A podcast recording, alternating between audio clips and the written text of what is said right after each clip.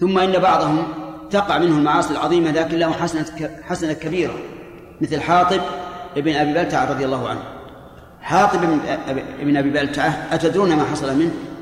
إيش؟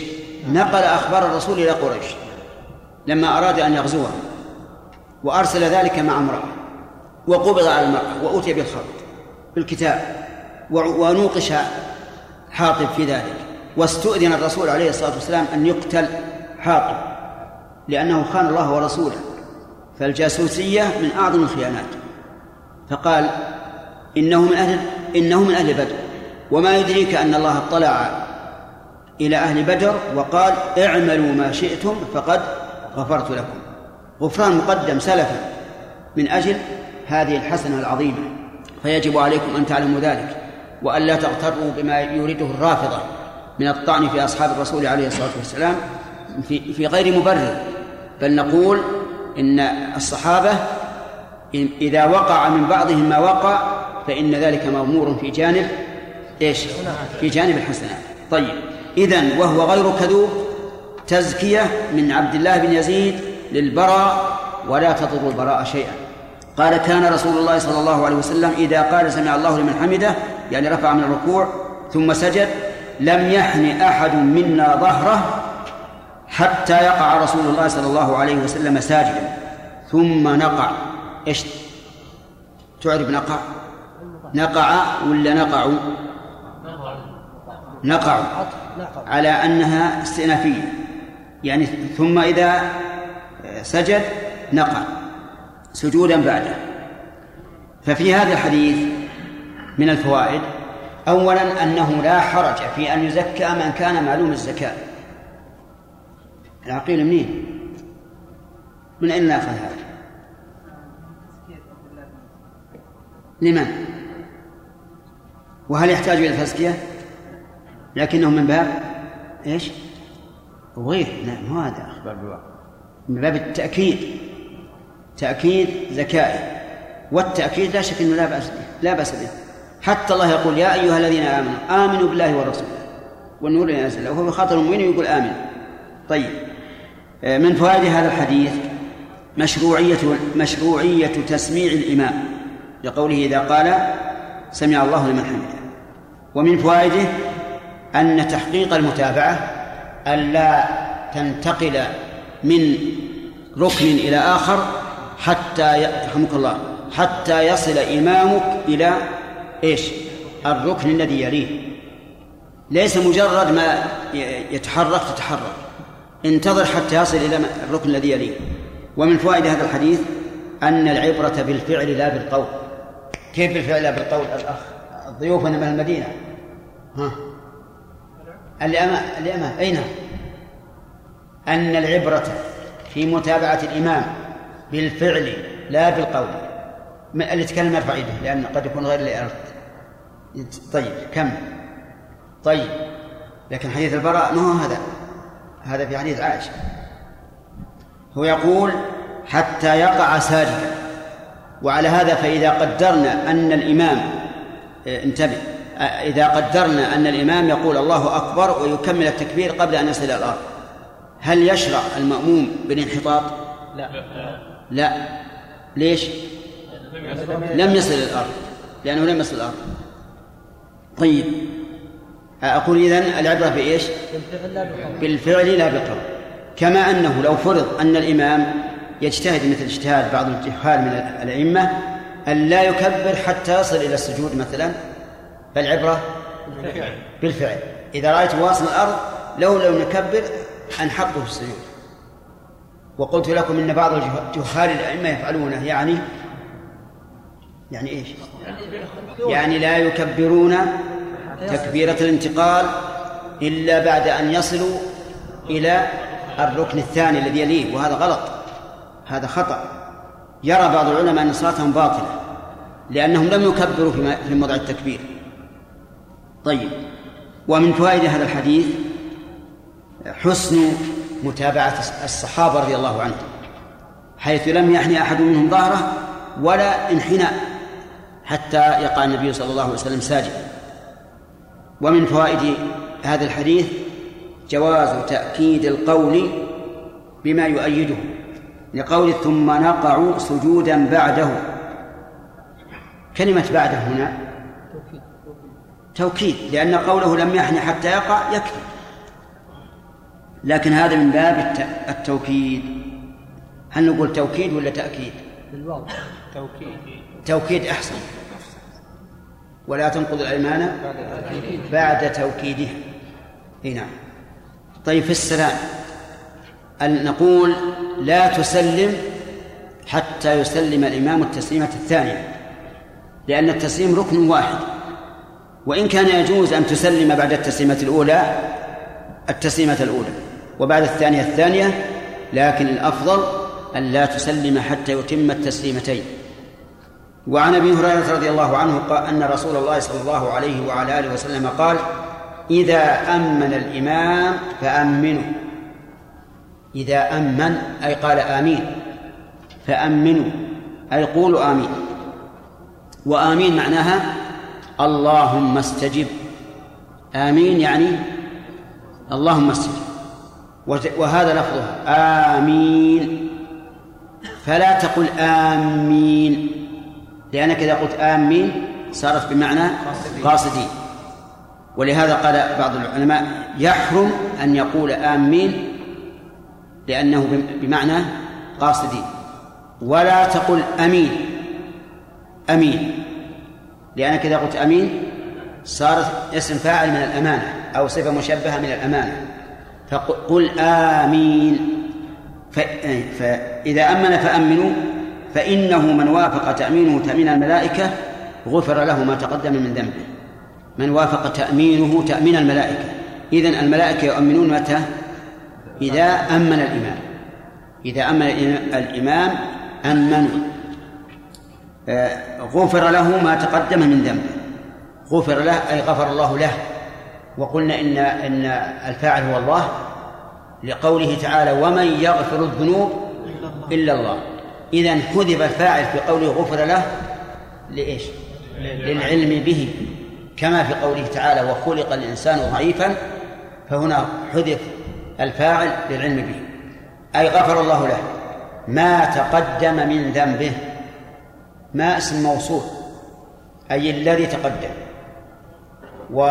واسم الموصول يقولون إنه للعموم. فيشمل كل ذنب. صغيرا كان أم كبيرا أه، بقي أن أن قوله إذا أمن الإمام هل معناه إذا انتهى من تأمينه أو إذا شرع في التأمين؟ الثاني. يتعين الثاني. ومن فهم أن المعنى إذا فرغ فقد وهم. وذلك لأنه ثبت في هذا الحديث نفسه أنه قال إذا قال الإمام ولا الضالين فقولوا آمين. فعلم أن قوله إذا فعلم أنه ليس معنى قوله إذا أمن إذا فرغ. فيكون هذا هذا الشرط مخالفا للشرط في قوله إذا كبر فكبروا. لأن إذا كبر فكبروا أي إيش؟ أي إذا فرغ من التكبير. أما هنا فإذا شرع في التأمين. فإذا قال قائل ما الذي أباح لكم أن تصفوا هذا الحديث عن ظاهره؟ قلنا اللفظ الآخر لأن الألفاظ يفسر بعضها بعضا. ما هو اللفظ الآخر؟ إذا قال ولا الضالين فقول آمين وقوله آه، من وافق تأمين تأمين الملائكة. من المراد بالملائكة هنا؟ هل هم الملائكة كلهم؟ أو أو الملائكة الذين كانوا في المسجد حضروا مع الإمام أو الملائكة الحفظة الذين يكتبون ما يقول ويفعل الإنسان؟ أم ماذا؟ نقول هم الملائكة المتابعون لهذا الإمام في الصلاة سواء في السماء أو في الأرض. وليس يشمل كل الملائكة وليس يختص بالحفظة لأن في بعض الألفاظ الحديث تأمين الملائكة في السماء في السماء. وهذا يدل على أن هناك ملائكة. سخرهم الله عز وجل أن يصلوا مع المؤمنين. فالذين شاركوا المؤمنين في صلاتهم يؤمنون على ما يؤمن عليه الإمام. ويؤمنون بعد ويؤمنون بعد قول الإمام ولا الضالين. فإذا وافقهم الإنسان إيش؟ غفر له. وهل الموافقة هنا الموافقة في الزمن أو الموافقة في الكيفية؟ الظاهر الأول. لأنه قال إذا أمن فأمنوا فإنه من وافق. فيكون المراد من وافق من وافق تأمينه تأمين الملائكة بالزمن بأن كان يقول آمين والملائكة تقول آمين. في هذا الحديث فوائد منها مشروعية التأمين على قراءة الفاتحة. لقوله إذا أمن الإمام فأمن. ومنها مشروعية الجهر به أي بالتأمين. من أين يؤخذ؟ من قول إذا أمن لأن هذا يقتضي أنه يسمع. و ولكن هل يشرع في السرية والجهرية؟ نقول ما دام تابعا للقراءة فإنه إنما يشرع في الصلاة الجهرية. ومن فوائدها أن أن لله ملائكة يشاركون المؤمنين في الصلاة. لقوله من وافق تأمينه تأمين الملائكة. والملائكة سبق أنهم عالم غيبي خلقوا من نور يقومون بطاعة الله لا يسأمون ولا يستكبرون. ومن فوائد هذا الحديث أن هذا العمل اليسير سبب لمغفرة ما تقدم من الذنوب. ولكن هل المراد الصغائر أو الصغائر والكبائر؟ نقول أما ظاهر الحديث فهو العموم. الثاني الصغائر والكبائر. وإلى وإلى هذا ذهب كثير من العلماء. وقال إن الأحاديث التي وردت مطلقة نحملها على الإطلاق والتي وردت مقيدة نحملها على التقييد. مثال المقيد الصلوات الخمس والجمعة إلى الجمعة ورمضان إلى رمضان مكفرات لما بينهن ما اجتنبت الكبائر. نقول هذه الأشياء التي نص الشارع عليها مشروطة بالصغائر وما جاء عاما فنحمله على العموم.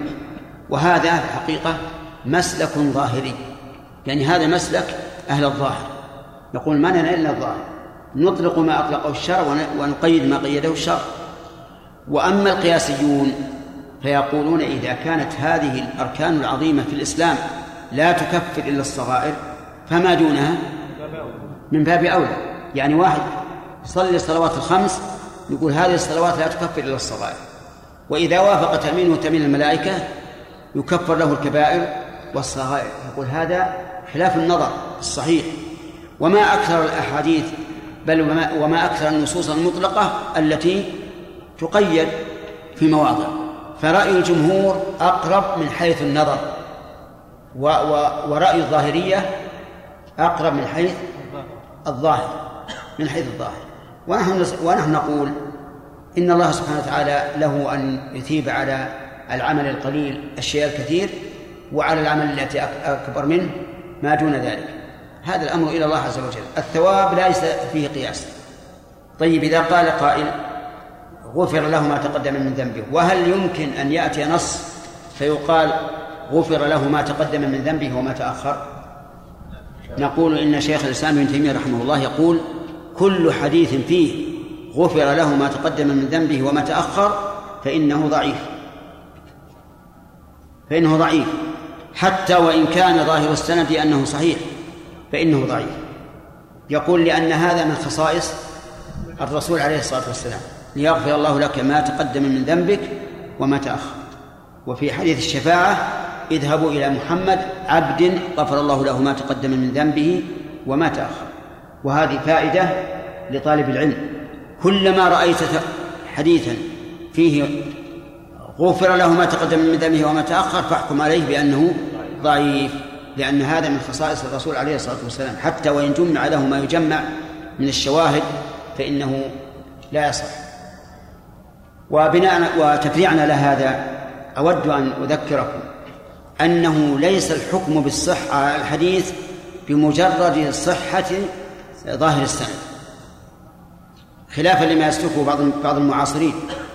إذا رأى السند صحيحا مستقيما حكم على المتن بالصحة وإن كان منكرا من حيث المعنى.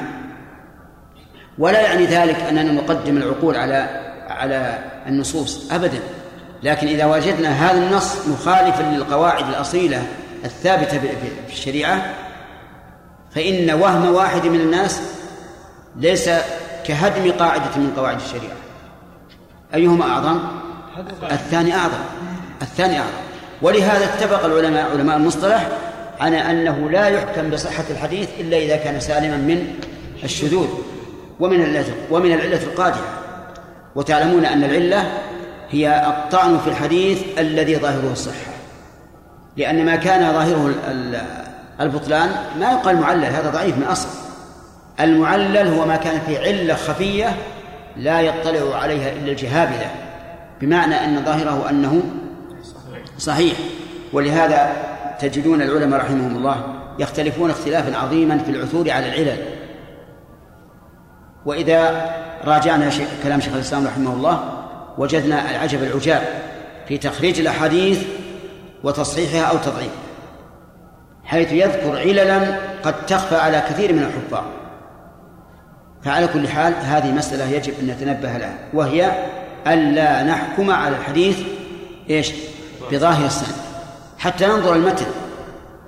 ما قيمته أمام أمام القواعد العامة الرصينة في الشريعة الإسلامية؟ شيخ نعم.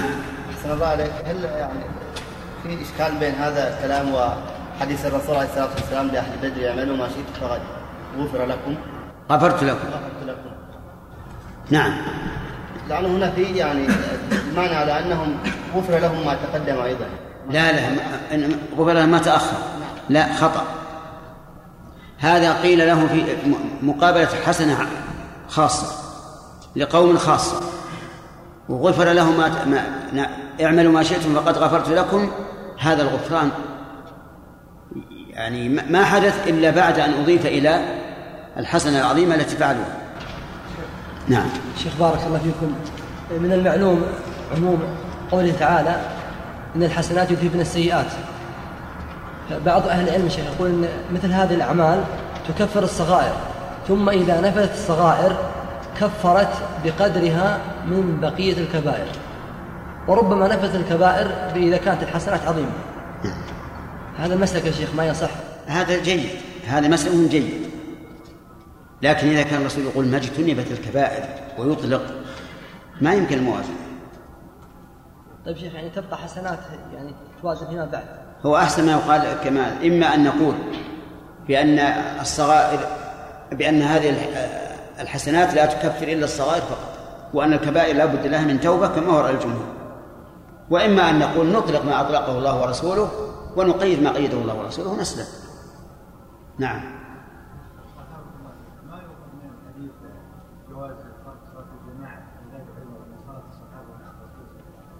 لا لا. إلا إلا إذا وجدنا شخصا مثل الرسول. هل من المعقول أن يطلعون من, من عند الرسول يروحون يصلون مع أبي بكر؟ ما هو معقول. نعم. هل المأمون توافقني على هذا اللفظ؟ هل المأمون ها؟ ما المأمون. توافقون على هذا؟ ما توافق إلا إنسانك ما تستطيع النطق بالميم ما ها؟ مشي قل ما شئت. هل هل المأمون إذا لم يؤمن؟ هل تبطل صلاته؟ إيه. لا التأمين سنة. التأمين سنة. ولنا أن نقول لا شيء من القول واجب إلا تكبيرة الإحرام والفاتحة. انصبروا يا جماعة. اسمعوا ما نقول حتى تستفيدوا منه. ربما يكون فائدتكم من هذا أكثر من فائدتكم مما ستسألون عنه. آه، يقول بعض العلماء ليس هناك قول مفروض إلا تكبيرة الإحرام والفاتحة والتشهد. الفاتحة لا صلاة إلا لما يقرأ بفاتحة الكتاب. التكبيرة الإحرام استقبل القبلة فكبر. التشهد قبل أن يفرض علينا التشهد. فتكبيرات الانتقال والتسبيح في الركوع والسجود وقول رب اغفر لي في بين ستين كلها عند عند بعض العلماء سنة ليست بواجب. من باب أولى التأمين. التأمين ليس بواجب. إن أمنت فهو أفضل وإن لم تؤمن فلا شيء عليك. انتهى الوقت؟ نعم سمير. يا سمير تكلمنا على هذا أمس. ها؟ أمس ما حضرت؟ قلنا إذا لم تمكن مشاهدة الإمام فليعتبر بالقول. فهمت؟ الجواب واضح الآن؟ نعم. في بعض الناس ما ما يأمن كل اللي في المسجد ما يأمن. الصلاة لا ما هي باطلة لكن لعلهم يؤمنون سرا. لا. إيه أن الجهرية السرية ما حد مؤمن جهرا آه بعض العلماء يقول إن ال... إنه لا يجهر بآمين. هل لعل هؤلاء من من الناس الذين أخذوا هذا المذهب؟ هم أجانب اللي نشوفهم إيه.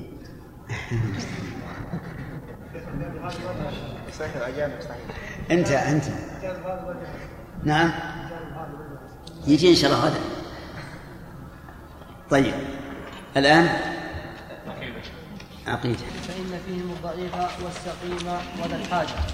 وإذا صلى احدكم لنفسه فليطول ما شاء. وعن أبي مسعود الأنصاري رضي الله عنه قال جاء رجل إلى رسول الله صلى الله عليه وسلم فقال إني لأتأخر عن صلاة الصبح من أجل فلان مما يطيل بنا. قال فما رأيت النبي صلى الله عليه وسلم غاضب في موعظة قط أشد مما غضب يومئذ. فقال يا أيها الناس إن منكم منفرين فأيكم أما الناس فليوجد فإن من ورائه الكبير والصغير وذا الحاجة بسم الله الرحمن الرحيم. الحمد لله رب العالمين وصلى الله وسلم على نبينا محمد وعلى آله وأصحابه ومن تبعهم بإحسان إلى يوم الدين. آه، ساق المؤلف رحمه الله أحاديث في باب الإمامة وسبق لنا منها. آه، وسبق لنا منها ما يدل على أن الاعتبار في الاقتداء بوصول الإمام إلى الركن الذي يلي ما ما انتقل منه. فما هو الدليل؟ نعم. لا. غير. أنت فهمت السؤال؟ فهمت سؤالي؟ سؤالي أين الدليل على أن المأموم لا ينتقل ولا يتحرك حتى يصل الإمام إلى الركن الذي يليه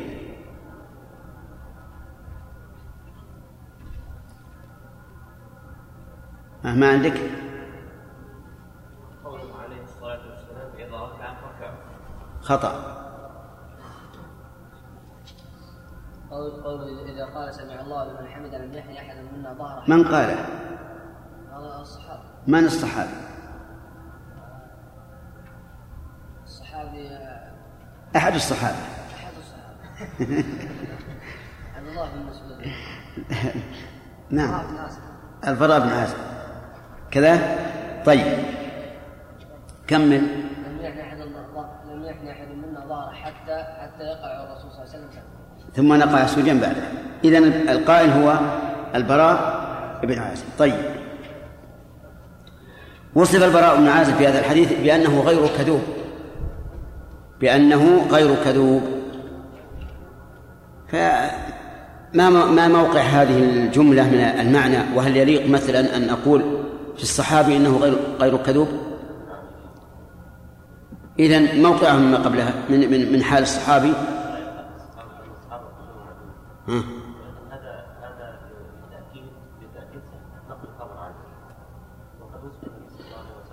وسلم لتأكيد صحة نقله للخبر.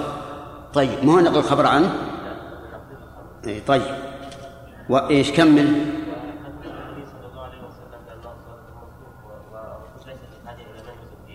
طيب. اي بارك الله فيك. نعم. فيه أيضا سبق لنا آه، ما يدل على أن الملائكة تأتم بإمام المسلمين وهي في السماء. الدليل. الدليل أن النبي صلى الله عليه وسلم قال في حديث صحيح قال صلى الله عليه وسلم فإذا أمن الإمام إذا إذا إذا أمن الإمام فأمنوا فإنه من يوافق تأمينه تأمين الملائكة غفر له. فالملائكة هنا يؤمنون على على بعد تأمين الإمام. على قراءة الإمام. على قراءة الإمام. طيب. ففي دليل على أنهم يأتمون بالإمام. أي نعم. طيب. آه، سبق لنا أن مثل هذا الحديث العام غفر له ما تقدم من ذنبه. هل يخصص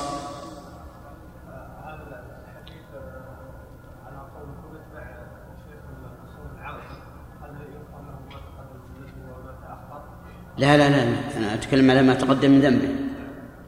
هل هو على عمومه فيشمل الصغائر والكبائر أم ماذا؟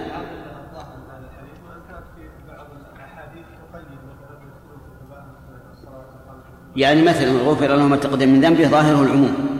طيب هل هو على عمومه أو لا؟ آه. كلمة الصحيح تعني؟ لا تعني أن هناك خلافا. اشرح الخلاف. قيل اختلف العلماء في ذلك فمنهم. ها. أي وش وجه الاستشهاد؟ فما دونها من باب من باب أولى وهذا هو رأي الجمهور. والقول الثاني أن تبقى الأحاديث على عمومها في إذا كانت عامة وعلى خصوصها إذا كانت خاصة. نعم. ثم ساق المؤلف حديث أبي هريرة رضي الله عنه وهو بدرس اليوم أن رسول الله صلى الله عليه وسلم قال إذا صلى أحدكم للناس فليخفف. إذا شرطية وصلى فعل الشرط فليخفف جواب الشرط. واقترن بالفاء لأنه طلب. وكلما كان جواب الشرط طلبيا فإنه يجب أن يقترن بالفاء. وفي ذلك بيت مشهور أنشدناكم. ها من ينشده لنا تفضل. اسمية طلبية وبجامد وبماء. ولن وبقد وبالتنفيذ. اسمية طلبية وبجامد وبما وقد وبلن أو وبما ولن وبقد وبالتنفيذ. طيب. وابن مالك رحمه الله ذكر هذا قاعدة في الألفية فقال نعم. واقرن بفاء حتما جوابا لو جعل شرطا لإن أو غيرها لم ينجعل. طيب. وقوله إذا صلى أحدكم للناس. اللام هنا ليست للقصد والإرادة أي أنه إنما صلى للناس لأن هذا شرك. لكن المعنى للناس أي صلاة ليقتدي به الناس. ويجوز أن تجعل بدل اللام الباء فتقول بالناس. فليخفف أي يخفف الصلاة بهم فإن فيهم الضعيف والسقيم وذا الحاجة. فإن فيهم أي في الناس الضعيف وهو من كان ضعيف الجسم لا يتحمل كالشيخ. والسقيم يعني المريض وذا الحاجة يعني الذي له حاجة يريد أن يذهب إليها. وإذا صلى أحدكم لنفسه فليطول ما شاء. يعني إذا صلى أحدكم صلاة لا يقصد بها إلا نفسه أي يصلي وحده فليطول ما شاء. واللام في قوله فليطول اللام هنا للإباحة وليست للأمر أي ليست الطلب لأنها في مقابل المنع. في قوله فليخفف وعلى هذا فتكون اللام يا عبد الله تكون اللام للإباحة يعني فله أن يطول ما شاء. والحديث معناه ظاهر. أن الرسول عليه الصلاة والسلام أمر من كان إماما أن يخفف بالناس. و و وفيهم لأن فيهم الضعيف والسقيم وذا الحاجة وأنه إذا صلى لنفسه فليطول ما شاء مهما أطال. لأنه هو ونفسه يتحمل الإطالة. ففي هذا الحديث فوائد. أولا مشروعية مشروعية صلاة الجماعة. وقد سبق أن صلاة الجماعة واجبة. ووجوب عين على كل على كل رجل قادر. وأن العلماء اختلفوا هل هي شرط لصحة الصلاة أو لا وأن القول الراجح أنها ليست شرطا لصحة الصلاة ولكنها واجبة لا إشكال في ذلك. ومن فوائد هذا الحديث أن الإمام يصلي للناس لا لنفسه لقوله للناس. وبناء على ذلك يجب عليه أن يصلي مطبقا للسنة حسب الإمكان. أن يصلي مطبقا للسنة حسب الإمكان لأنه يصلي لغيره لا لنفسه. وكل ولي على غيره فإن الواجب عليه أن يفعل ما هو أوفق وأفضل وأرشد. ولهذا نجد الإنسان في في ماله يستطيع أن يتبرع به ويستطيع أن أن يحابي في البيع والشراء وغير ذلك. لكن لو كان وليا على على يتيم فإنه لا يملك ذلك في مال إيش؟ في مال اليتيم. كذلك المصلي ومن فوائد الحديث مشروعية بل وجوب التخفيف على الإمام إذا كان يصلي بالناس. لقوله فليخفف واللام هنا للأمر والأصل في الأمر الوجوب لا سيما إذا قارنه ما يدل على ذلك بكونه واليا على الناس. فإن قال قائل ما ضابط التخفيف؟ هل ضابط التخفيف أن يفعل ما يناسب الجماعة ولو كان خلاف السنة؟ أم ماذا؟ نقول المراد بالتخفيف موافقة السنة. المراد بالتخفيف موافقة السنة. الدليل قول أنس بن مالك رضي الله عنه ما صليت وراء إمام قط أخف صلاة ولا أتم صلاة من النبي صلى الله عليه وسلم. وكان النبي صلى الله عليه وسلم يقرأ في صلاة الفجر بطوال المفصل أو بما هو أطول أيضا وربما قرأ في سورة وربما قرأ في صلاة المغرب بسورة الطور والمرسلات والدخان والأعراف. وعلى هذا فالمراد بالتخفيف هنا إيش؟ ما وافق السنة. ما وافق السنة. طيب. وأما أن نقول التخفيف ما وافق مراد الناس فهذا لا, لا شك أنه خطأ جدا لأن الناس تختلف مراداتهم. من الناس من يحب أن يثقل الإمام ومن الناس من يحب أن يخفف تخفيفا يخل بالأركان. فالمدار إذن على ما جاءت به السنة. ومن فوائد الحديث حسن تعليم الرسول عليه الصلاة والسلام حيث ذكر علة الأمر بالتخفيف وهي أن في الناس من هو محتاج إلى ذلك كالضعيف والسقيم وذا الحاجة. ومن فوائد الحديث القاعدة العامة في من ولاه الله على أحد أن يقتدي بالأضعف. هذه قاعدة عامة. أن أن يقت... نعم. أن الإنسان يراعي من؟ الأضعف. ما لم يخل ذلك ب... بشيء من من من العبادة. لكن ما دام الأمر ليس فيه إخلال فراعي الأضعف. اقتدي بأضعفهم. وفي المثل أمير القوم أضعفهم. أمير القوم أضعفهم. فليقتدى بالأضعف. طيب وهل مثل ذلك التعليم بمعنى إذا كان في حلقة طلبة متقدمون في العلم وطلبة مبتدئون. هل نراعي الأضعف؟ نعم لا. لأننا لو راعينا الأضعف لأفسدنا على على المتقدم في العلم في العلم فيراعى يعني الوسط. لا هذا ولا هذا. طيب ومن فوائد الحديث أنه لو كانت لو كان المأمومون يرغبون التطويل فلا حرج على الإنسان أن يطول. يعني بمعنى أن يكون جماعة محصورين وأرادوا أن يطول بهم الإمام. وليس فيهم ضعيف ولا سقيم ولا ذو حاجة. فهذا لا بأس به. ليش؟ لأن الحكم يدور مع علته وجودا وعدما. فما دمنا مثلا خمسة أو ستة في سفر أو في حضر وأردنا أن نصلي جماعة وكلنا ليس تعال هنا تقدموا جزاكم الله خير. وكلنا لا يعني لا يضره إذا إذا أطال الإمام فنقول لا حرج في التطويل. لا حرج في التطويل. إذا علم أن أنهم لا لا لا ينفرون من ذلك. ومن فوائد هذا الحديث أن الإنسان إذا طرأت له حاجة وكان يريد أن يطيل الصلاة فلا بأس أن يخففها. من أين تؤخذ؟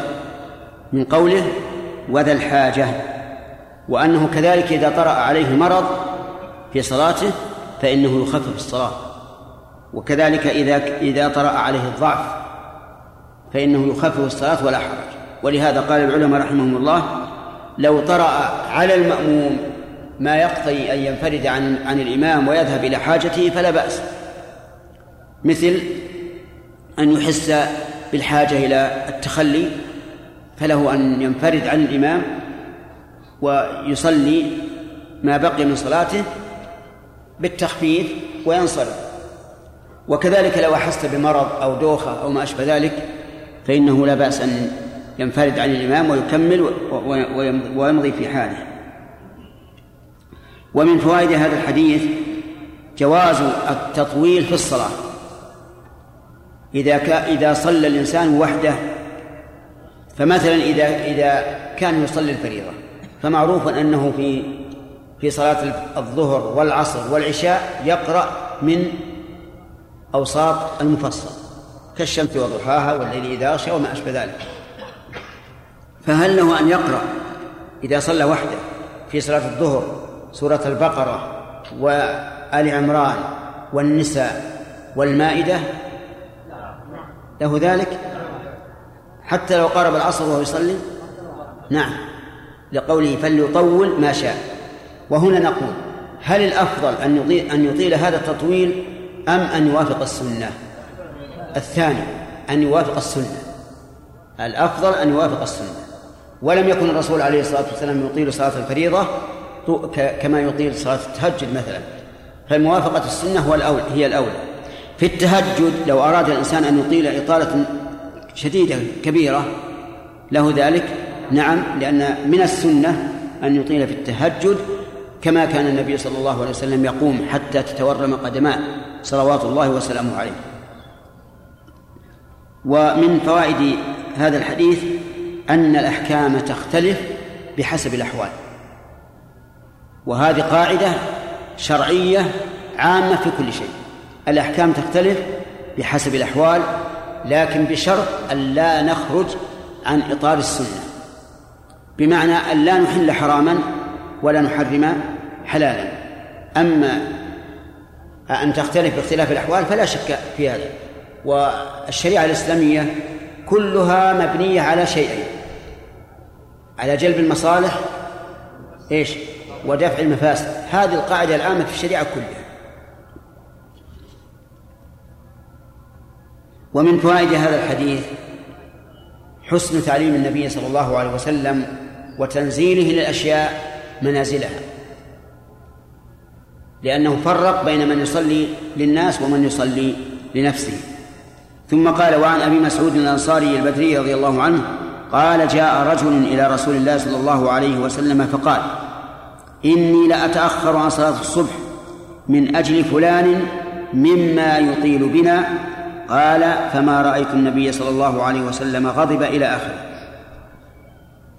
قوله إني لا أتأخر عن صلاة الصبح. هذه الجملة مؤكدة بإن واللام مؤكدة بإن واللام إني لا أتأخر عن صلاة الصبح.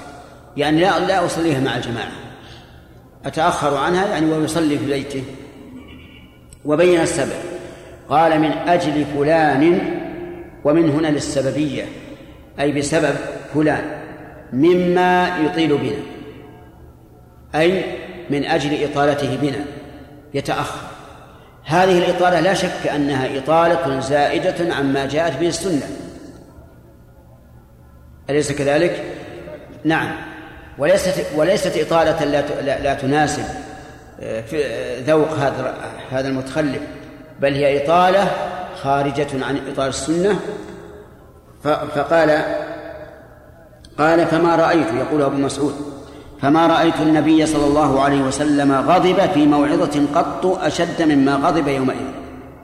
ما رأيته غضب والغضب هو غليان دم القلب لإرادة الانتقام. هذا الغضب فسره الناس بهذا. غليان دم القلب لإرادة إيش؟ الانتقام. وهذا هو معنى الحديث. إنه جمرة يلقيها الشيطان في قلب ابن آدم والجمرة تقتضي الغليان والحرارة. لإرادة الانتقام إذن فالغاضب يشعر بأنه ذو قدرة وذو سلطان. وهنا فرق بين الغضب والحزن. الحزن يدل على ضعف الحازم. وعدم تحمله. والغاضب يدل على قوة الغ... والغضب قصدي والغضب يدل على قوة الغاضب وقدرته على الانتقام. ولهذا يوصف الله بالغضب ولا يوصف بالحزن. وعليه فقوله تعالى فلما آسفونا انتقمنا منهم آسفوا آسفونا ليس معناها الحق الحقوا بنا الأسف الذي هو الحزن لأن ذلك مستحيل على الله. لكن آسفونا بمعنى أغضبونا انتقمنا منهم طيب غضب النبي عليه في موعظة. ما هي الموعظة؟ هي التذكير. بما بمخوف أو مرغوب. هذه الموعظة. التذكير بمخوف أو مرغوب. فمن تكلم مع الناس وذكر لهم الجنة وحثهم على العمل لها فهذا إيش؟ تذكير بمرغوب. ومن حذر الناس النار وبين لهم عقوباتها فهذا تذكير بإيش؟ بمرهوب طيب. والنبي عليه الصلاة والسلام يعظ الناس إما موعظة راتبة كالتي تحصل في خطب الجمعة والعيدين وإما موعظة طارئه وهي التي تكون لسبب وهي كثيرة. نعم. آه قط ظرف. لما مضى من الزمان. ويقابلها الأبد. فإنها ظرف لما يستقبل من الزمان. وكذلك عوض عوض ظرف لما يستقبل من الزمان. إذن قط أي فيما مضى. أشد مما غضب يومئذ. إذا كان غضبه ذلك اليوم شديدا عليه الصلاة والسلام وهو أشد غضب رآه آه، أبو مسعود. وهذا لا يلزم أن يكون الرسول لم يغضب مثل هذا الغضب لأن ابن لأن أبا مسعود يتحدث عن عما رأى وقد يغضب أشد من ذلك لكن لم يره.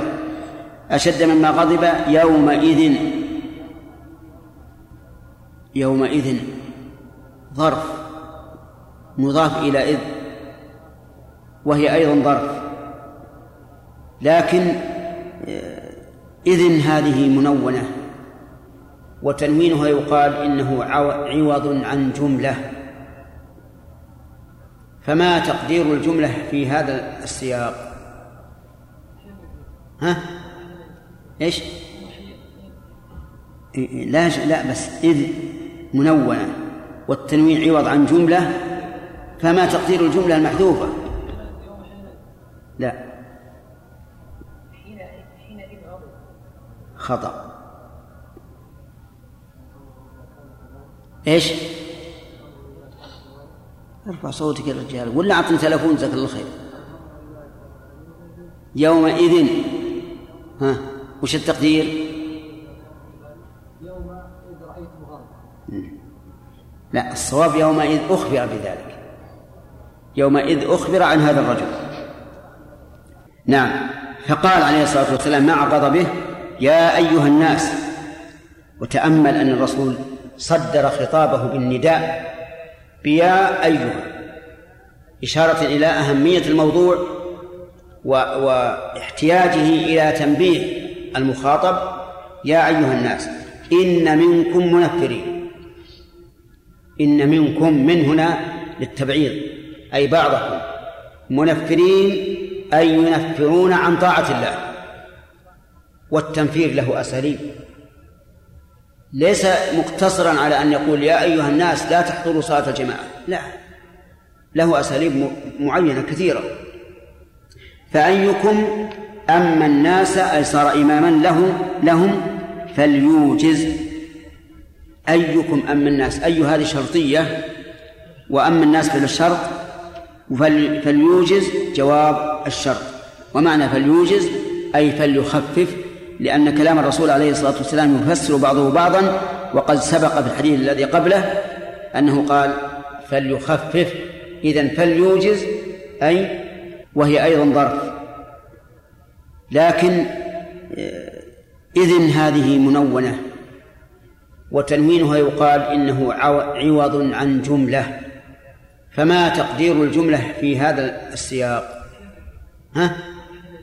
إيش؟ لا لا بس إذ منونة والتنوين عوض عن جملة فما تقدير الجملة المحذوفة. يومئذ ها؟ وش التقدير؟ لا الصواب يومئذ أخبر بذلك. يومئذ أخبر عن هذا الرجل. نعم. فقال عليه الصلاة والسلام مع غضبه يا أيها الناس وتأمل أن الرسول صدر خطابه بالنداء بيا أيها إشارة إلى أهمية الموضوع واحتياجه إلى تنبيه المخاطب يا أيها الناس إن منكم منفرين إن منكم من هنا للتبعيض أي بعضكم منفرين أي ينفرون عن طاعة الله والتنفير له أساليب. ليس مقتصرا على أن يقول يا أيها الناس لا تحضروا صلاة الجماعة. لا. له أساليب معينة كثيرة. فأيكم أم الناس أي صار إماما له لهم فليوجز. أيكم أم الناس أي هذه شرطية؟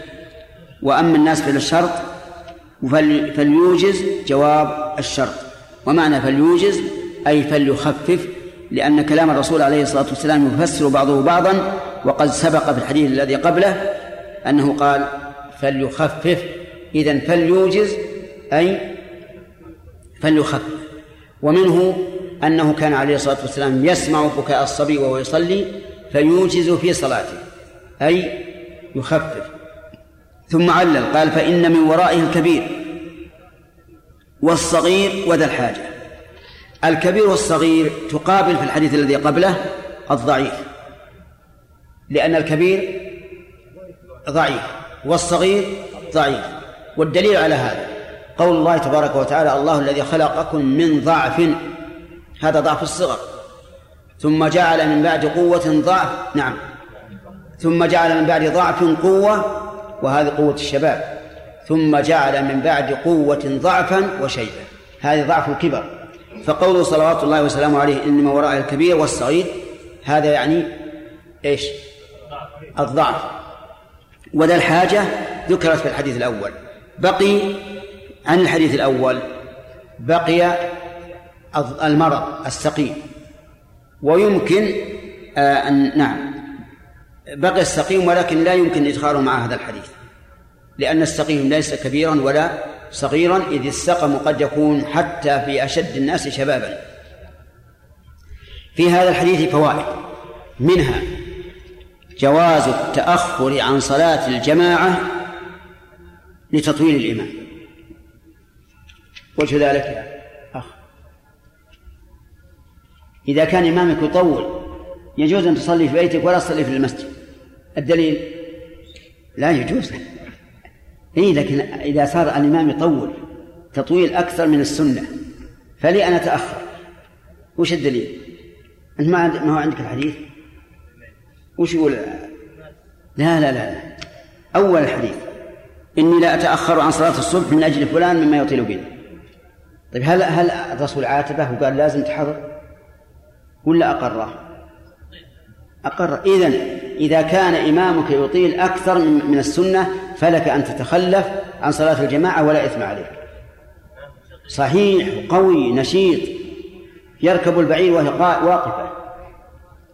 لكن يقول الإمام يطول بنا ما ما أروح. يجوز ولا لا؟ يجوز يا أخي. الحديث يدل على الجواز. شنو ندرس من الصباح إلى إيش؟ أبد ما في علة وقوي. ولو تريد أن يمشي عشرة كيلو ركضا مشى. اقرأ حديث شوف الحديث. إني لا تأخر عن صلاة الصبح من أجل فلان مما يطيل بنا. هل أنكر عليه الرسول؟ إذا يعني يجوز. يجوز. ما دام الرسول ما أنكره وهو صلى الله عليه وسلم أشد الناس غيرة على دين الله. المهم أن أننا نأخذ من هذا الحديث فائدة وهي جواز التأخر عن صلاة الجماعة إذا كان الإمام يطول تطويلا خارجا عن عن السنة. طيب. ومن فوائد الحديث صراحة الصحابة رضي الله عنهم. وأنهم رضي الله عنهم يقولون الحق ولو على رؤوسهم هذا الرجل لو كان في زماننا الآن وقيل له أنه تأخر يا فلان. قال أبدا ما أتأخر أنا أصلي بمسجد ثاني. ما يصرح يقول نعم تأخرت لأن الرجل لأن الرجل يطيل بنا أكثر من السنة. أما الصحابة فعندهم الصراحة والحقيقة أنه لا تستقيم الأمور إلا بالصراحة والصدق. أرأيت لو لو أن كان في الإنسان جرح وحاول أن يبرأ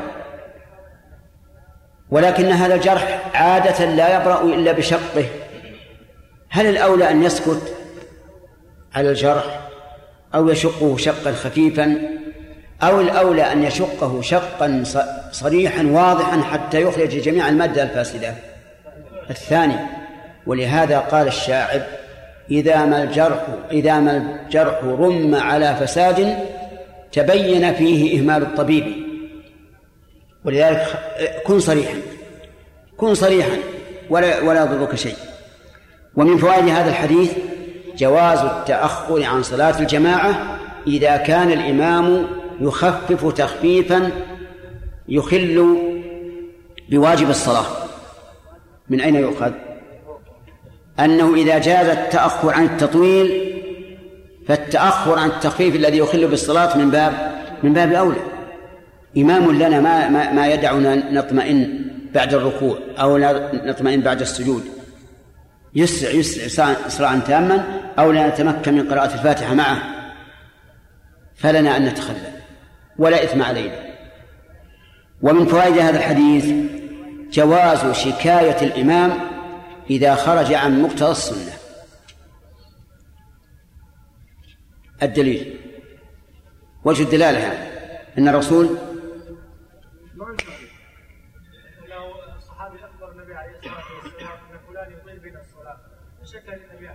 إيه؟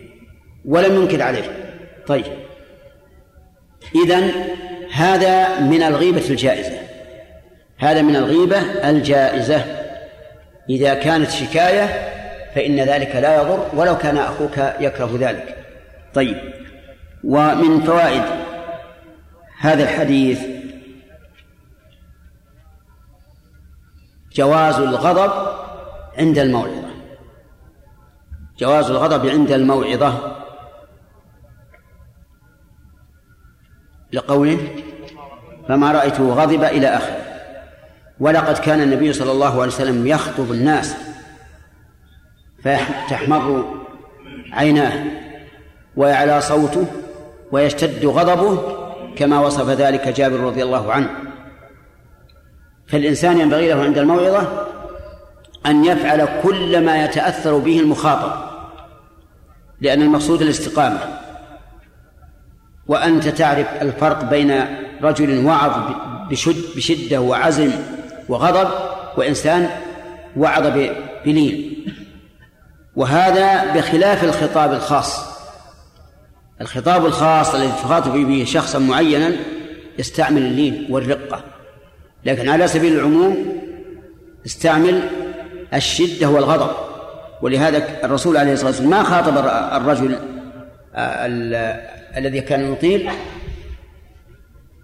فهناك فرق بين الموعظة العامة والموعظة الخاصة. الموعظة العامة افعل كل ما يكون أبلغ تأثيرا من غضب أو كلمات آه، قوية شديدة أو ما أشبه ذلك. بخلاف الموعظة الخاصة فاللين فيها أولى. ومن فوائد هذا هذا الحديث أن الغضب إذا كان لا يمنع التصور فلا بأس أن يتحدث الإنسان فيه حال حال غضبه. أما إذا كان يمنع التصور فلا. انتبه يا ولد. الغضب إذا كان الغاضب يمكنه أن يتصور ما يقول فإنه لا يمنع القول ولا يمنع الحكم ولا يمنع الفتوى. وأما إذا وصل إلى حد لا يتصور الإنسان ما يقول فليتوقف. لقول النبي صلى الله عليه وسلم لا يقضي القاضي بين اثنين وهو غضبان. مفهوم يا عبد الله؟ طيب. ومن فوائد هذا الحديث أن الغضب يتفاوت. شدة وسهولة. وإذا كان يتفاوت فإن الأحكام المترتبة عليه يا عبيد كم الساعة؟ تسعة يعني مضى؟ وإذا كان الغضب يتفاوت فإن الأحكام المترتبة عليه تتفاوت أيضا. ولهذا قال العلماء رحمهم الله إن الغضب ينقسم إلى ثلاثة أقسام. غاية وبداية ووسط. فالغاية لا حكم لما يترتب عليها. والغاية هي أن يصل الغاضب إلى حال لا يدري ما يقول إطلاقا. ولا يدري أفي السماء هو أم في الأرض. ولا يدري أيخاطب ملكا أم أم فراشا. لا يدري. هذا لا حكم لقوله. لا حكم لقوله. أنت معنا أحمد اسمك يا محمد. أنت معنا؟ طيب. هذا لا لا حكم لقوله إطلاقا بالاتفاق. سواء كان طلاقا أم عتقا أم وقفا أم سبا أو أي شيء. الثاني غضب البداية. فهذا له حكمه حكم من ليس غاضبا. بالاتفاق. والثالث الوسط الذي يدري ما يقول ويدري أنه في مكان معين وفي زمن معين لكن كأن شيئا ألجأه إلى أن يفعل. فهذا يترتب على نعم فهذا في في خلاف بين العلماء. منهم من ألحقه بالأول ومنهم من ألحقه بالثاني. والصواب أنه ملحق بالثاني. نعم. أنه ملحق بالأول أي بالغضب الذي هو غاية الغضب.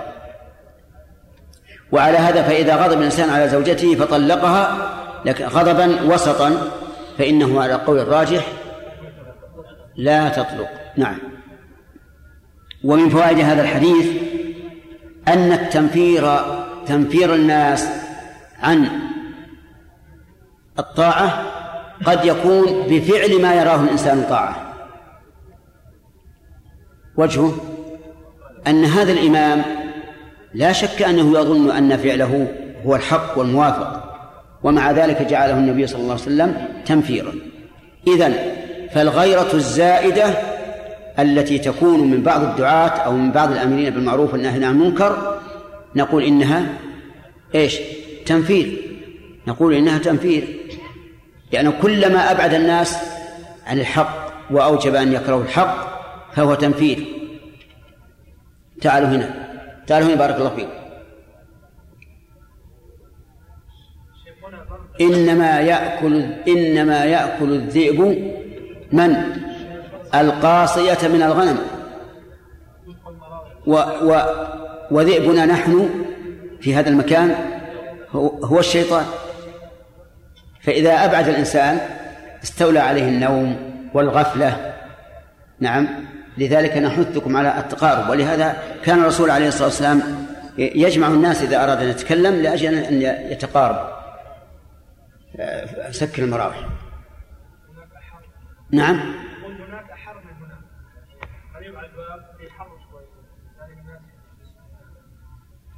يعني لا لا ابدا.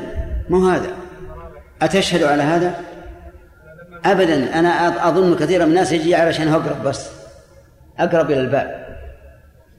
يحط الرحل أول ما يكون طيب على كل حال أقول إن التنفير قد يكون سببه سببه الطاعة. فهذا الإمام كان يظن أنه على صواب وأن هذا هو الأفضل حتى يتمكن الناس من الدعاء والتسبيح وما أشبه ذلك. فكان فعله إيش؟ منفرا. ومن فوائد هذا الحديث أمر من أما الناس أن يوجز لكن سبق لنا أن المراد بالإيجاز موافقة موافقة السنة. طيب. ومن فوائد هذا الحديث حسن تعليم الرسول عليه الصلاة والسلام حيث يذكر العلة مع الحكم ليزداد الإنسان بذلك طمأنينة.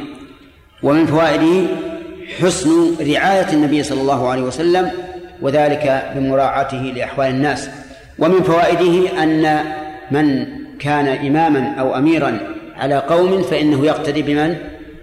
بالأضعف هذا ما لم يخل بما يجب. ألا؟ يخفف إيش؟ لا يخفف عن السنة إطلاقا. حتى لو وراه ألف كبير. وما زاد عن السنة فهو تطويل. يعني لو معهم يقرأ في الفجر من 60 إلى 100 آية أيضا ها؟ لو كان معهم رجل كبير في المسجد لا يتحمل القيام الصلاة يجلس. يصلي قاعدا يصلي في بيته أو يصلي في المسجد مضطجعا. هذا يراعى. ما يراعى بالنسبة للسنة. السنة لابد من إيجادها لأنه لو راعيناه مثلا بالنسبة للسنة وخففنا أقل من السنة احتج علينا الآخرون. فنحن نريد السنة. نعم. هذا شيء طارئ. هذا شيء طارئ. يعني مثلا الإمام لو, لو, لو كان يصلي ثم شعر بأن إنسان أغمي عليه وسقط. هنا يخفف لأنه طارئ لمبادرة مبادرة الأمر. لكن شيء لازم راتب لا. نعم. ها؟ لا لا لا ما ما حاجة دي. لا ما حاجة. كل إنسان يعرف نفسه. يغضبون عليه بعد إيش؟ يغضبون عليه. يغضبون إيش؟ يغضبون عليه. يغضبون إيش؟ لكن التطويل هل هو هل هو خارج عن السنة ولا موافق للسنة؟ أسألك أسألك ها؟ طيب هذا التطويل ده. يغضبون عليه. إذا غضبوا فليغضب. يمنعون إمامه الحمد لله. إذا منعون الإمام فلا داعي لكن يجب الإمام الحكيم أن يصرح له يقول يا قوم أنتم ما خرجتم من بيوتكم في أيام الشتاء أو أيام الصيف وقصر الليل إلا تريدون الخير. وقد قال ربنا عز وجل لقد كان لكم في رسول الله أسوة حسنة لمن كان يرجو الله واليوم الآخر. أنتم ما جئتم إلا ترجون الله واليوم الآخر. فلنكن على السنة وقنعهم. وفي ظن أن الإنسان إذا الإمام إذا كان حكيما وقن- وقنع المصلين سوف يقتنعون. نعم. حفظكم الله السنن التي ليست ليست راتبة عن النبي صلى الله عليه وسلم هل الإنسان يعني ينبغي أن يطبقها؟ أم أنها يعني حالات خاصة مثل قراءة قراءة الأعراف أو ما شابهها من السنن التي ليست راتبة؟ الظاهر أن, أن ما كان يشق فهذا لا بأس أن يفعله الإنسان لكن بشرط أن يعرف رضا المأمومين.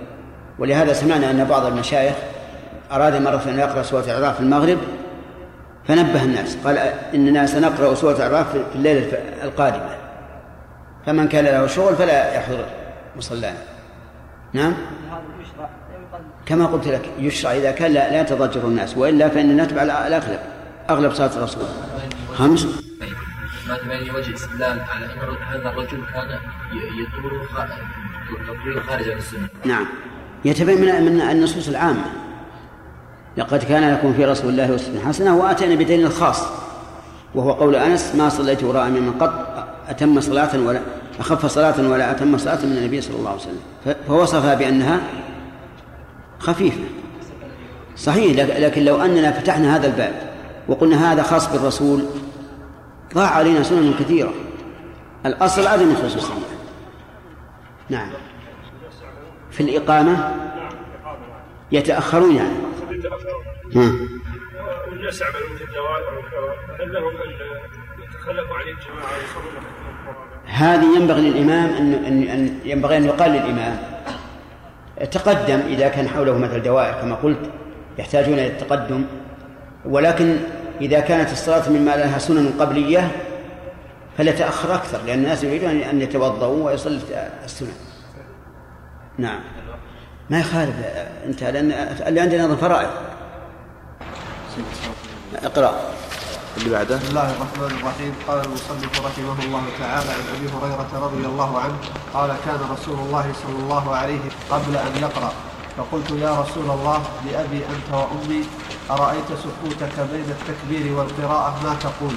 قال أقول اللهم باعد بيني وبين خطاياي كما باعدت بين المشرق والمغرب.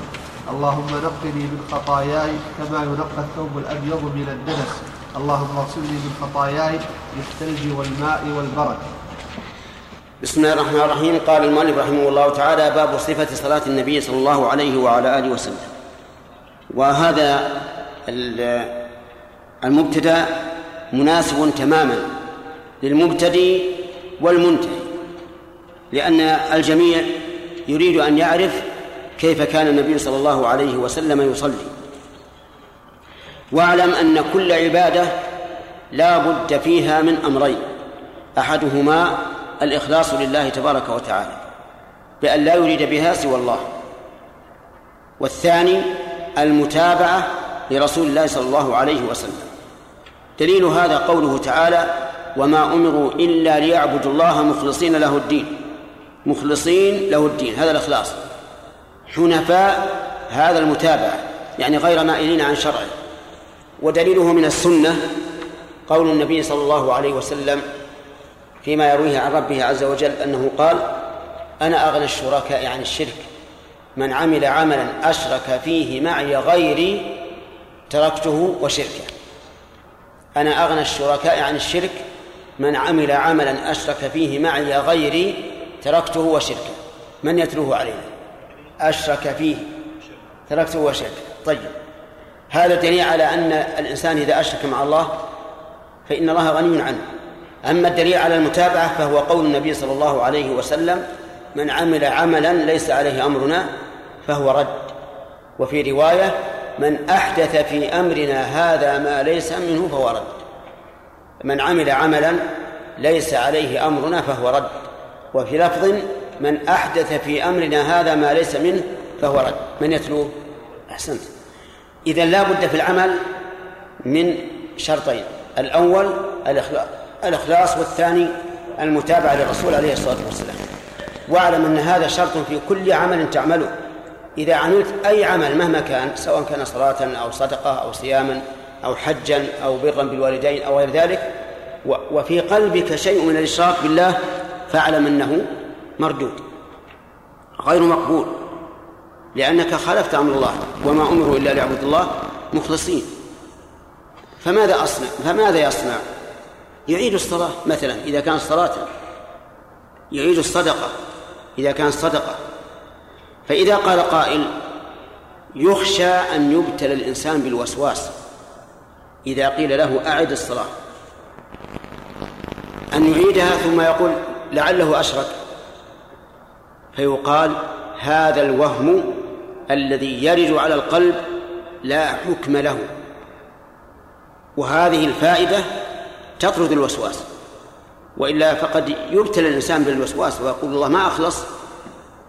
نقول هذا الوهم لا حكم له ولا يترتب عليه أثر.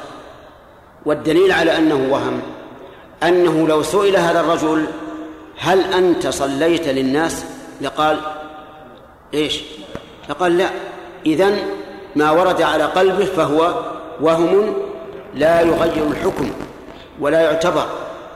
طيب فإذا فرغ من الصلاة مثلا وقال له وهمه إنك أشركت فلا يعيد الصلاة لا يعيد. ليش؟ امشي ولد.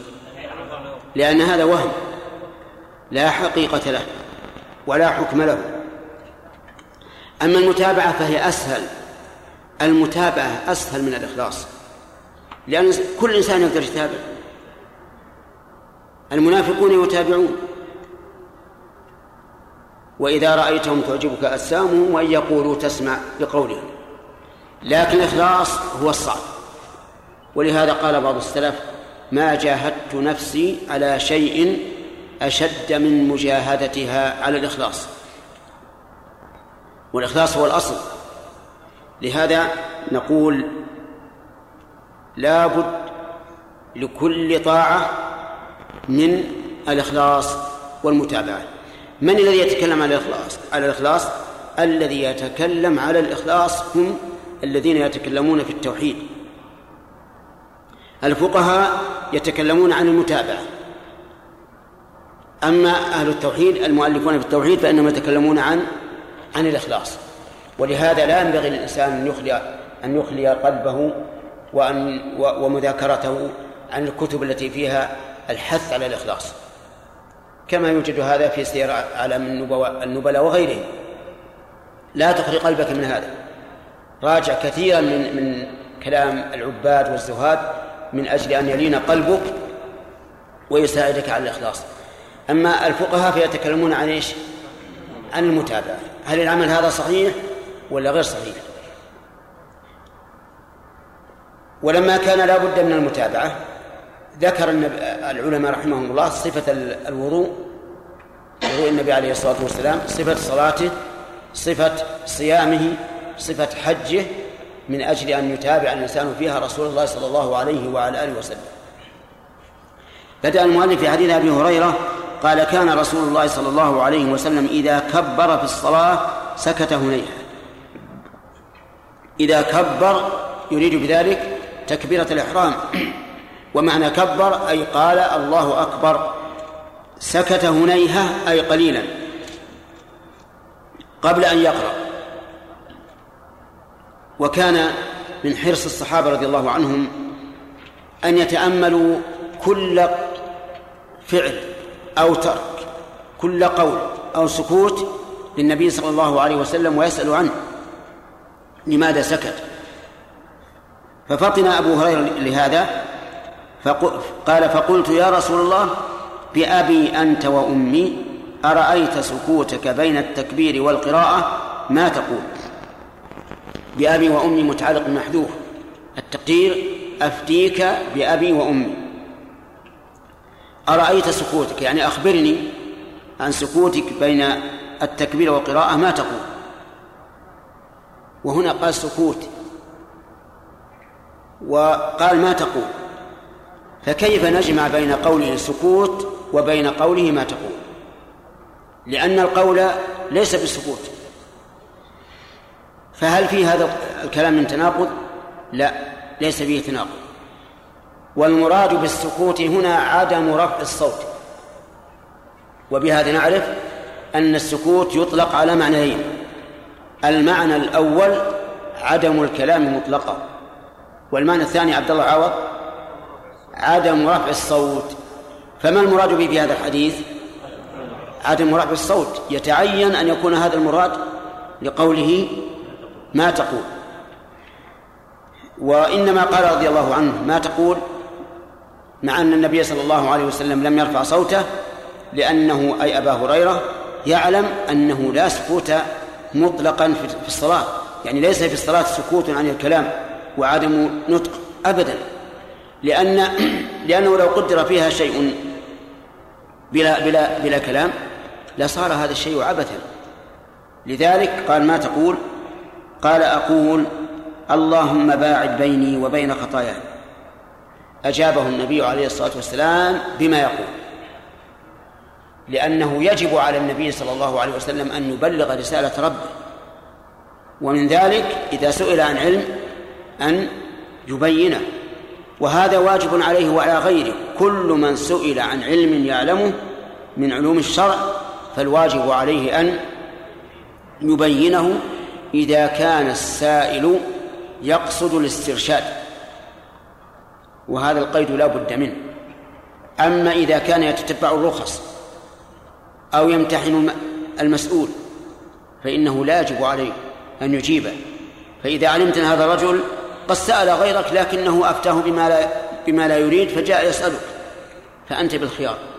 إن شئت فأجب وإن شئت فلا تجب لأن هذا لا يريد الاسترشاد.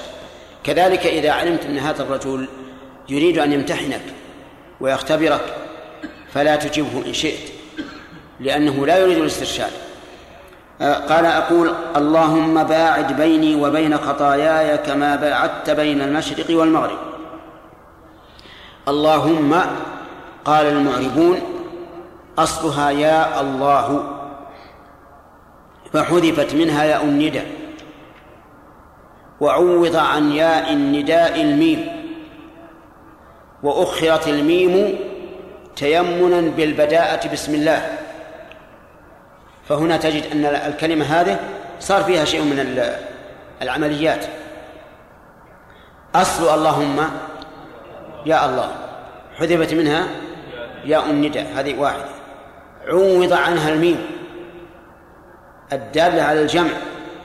كأن الإنسان جمع قلبه ونطقه على الله عز وجل.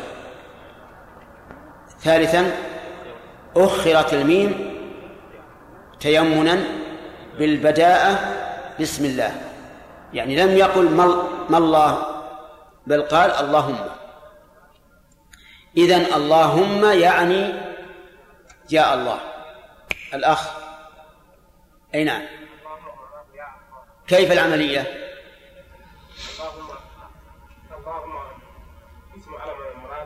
لا لا كيف العملية؟ مو الإعراب.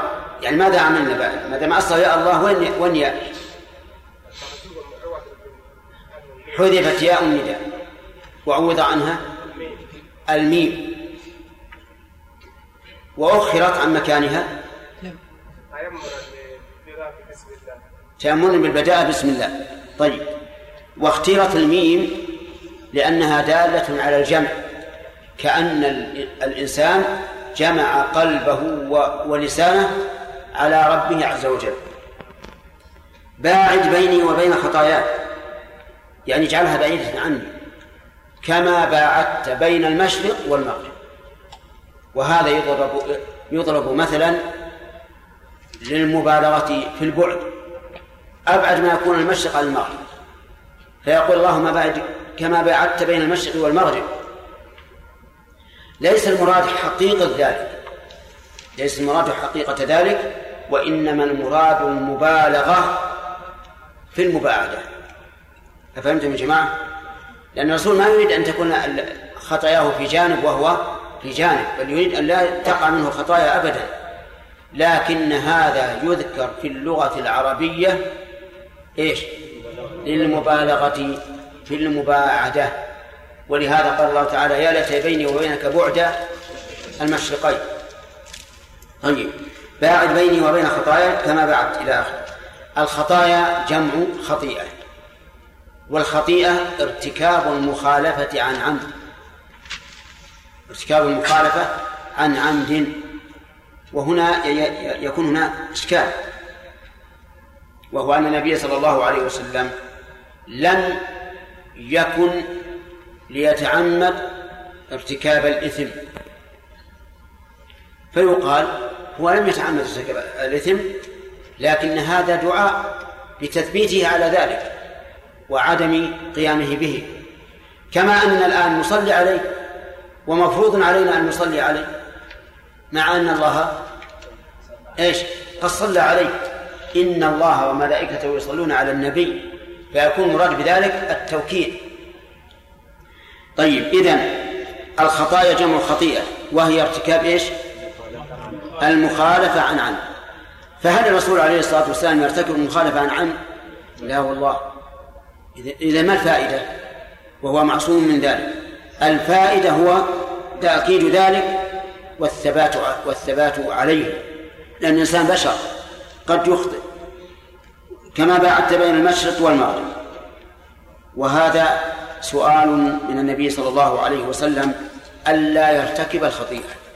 اللهم نقني من خطاياي كما ينقى الثوب الأبيض من الدنس. يعني نقني من الخطايا التي وقعت مني كما ينقى الثوب الأبيض من الدنس أي من إيش؟ الوسخ. واختار الثوب الأبيض لأن الوسخ فيه أظهر من غيره من الألوان.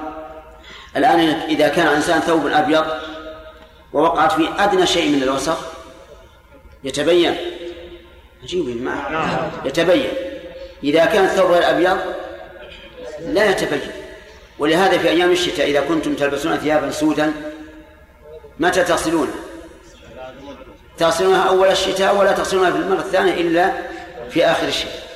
لكن في في الصيف وأنتم تلبسون البياض ما يبقى عندكم إلا أسبوعا أو أو شبه. آه، لأن الثوب الأبيض يتوسخ بسرعة. ولهذا اختار النبي صلى الله عليه وسلم الثوب الأبيض على غيره لأن الدنس يبدو فيه ويظهر أكثر من غيره. وهذا في الخطايا التي قد أصابه. ويمكن أن نقول إن هذا من باب إيش؟ التثبيت يعني على فرض أن يقع منه خطية اللهم اغسلني من خطاياي بالماء والثلج والبرد. هذا أمر زائد على التنقية لأن التنقية إزالة الوسخ والغسل إزالة أثره فهي أبلغ من من إيش؟ من التنقية. ولهذا لو أصاب ثوبك وسخ فحككته بظفره زال الوسخ لكن أثره باقي. فإذا غسلته زال الأثر. لكنه هنا قال أغسلني من خطايا بالماء والثلج والبرد الماء لا شك أنه يغسل به لكن الثلج والبرد لا يغسل به لكنه يفيد إيش؟ التبريد والخطايا عقوبتها الألم والحرارة فكان من المناسب أن أن يذكر مع الماء الذي يزيل الوسخ الثلج والبرد ليزول أثر الذنب الحسي والمعنى في هذا الحديث فوائد منها إثبات التكبير للصلاة لقوله إذا كبر للصلاة. وهذه التكبيرة ركن لا تنعقد الصلاة إلا به. انتبه. ركن لا تنعقد الصلاة إلا به لقول النبي صلى الله عليه وسلم تحريمها التكبير ولأمره صلى الله عليه وسلم المسيء في صلاته إذا قام إلى الصلاة أن يكبر ويشترط أن تكون بلفظ التكبير الله أكبر فلو قال الله أجل الله أعظم الله أشد بأسا وأشد تنكيلا وما أشبه ذلك فإن ذلك لا يجزئه. لا بد أن يكون بلفظ التكبير ولا بد أن تكون خالية عن لحن يحيل المعنى. فإن فإن كانت بلحن يحيل المعنى لم تصح. لو قال آه الله أكبر لم تصح. لأن هذا المد يحول الجملة من خبر إلى استفهام. الله أكبر. استفهام. كقوله تعالى الله خير أما يشركون فلا تجزئ ولو أنه قال الله أكبر قال العلماء لا يجزئ لأن أكبار على وزن أسباب وأسباب جمع سبب وأكبار جمع كبر. والكبر في اللغة الطبل الطبل الذي يضرب به في العزف. ومعلوم أن هذا المعنى فاسد. فاللحن هنا يفسد المعنى.